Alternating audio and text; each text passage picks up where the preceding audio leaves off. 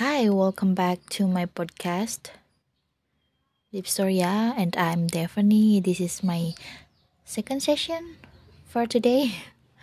So now I'm going to discuss my friendship journey with someone who is pretty crazy, one and only.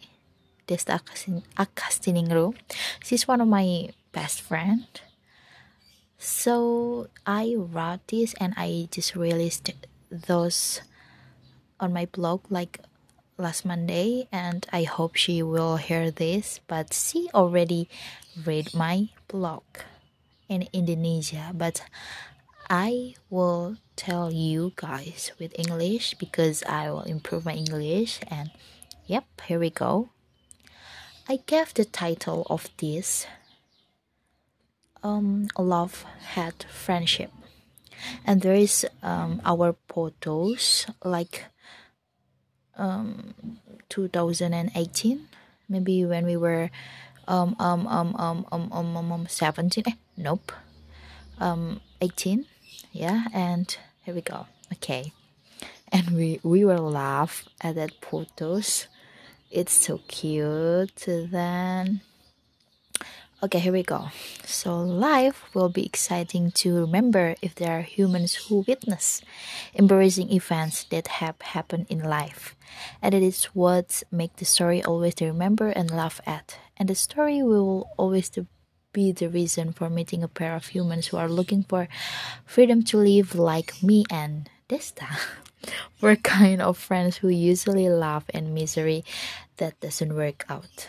Okay, so by the way, I don't even know exactly what friends mean. How should I be friends or who should I be friends with?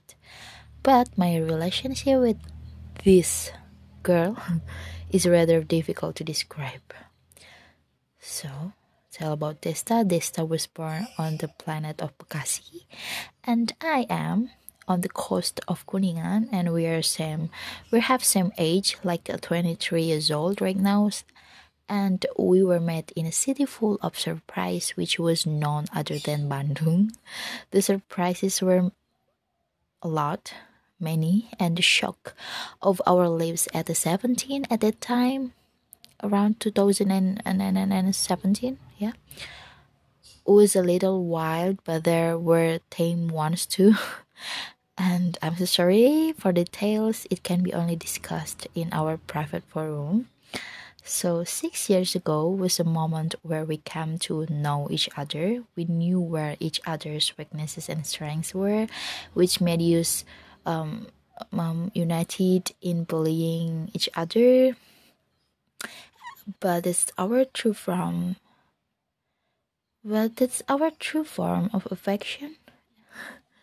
Yep.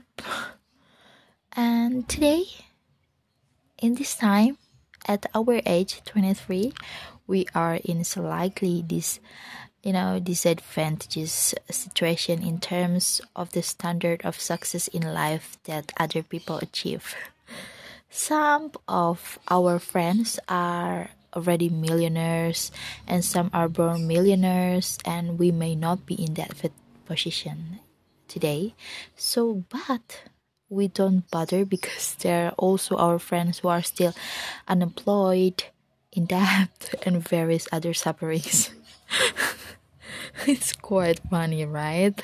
So, anyway, that's a bit of our story that maybe only we can understand. So, see you all. Goodbye. This is for you, Desta. I hope you can hear this podcast. Bye. Love you.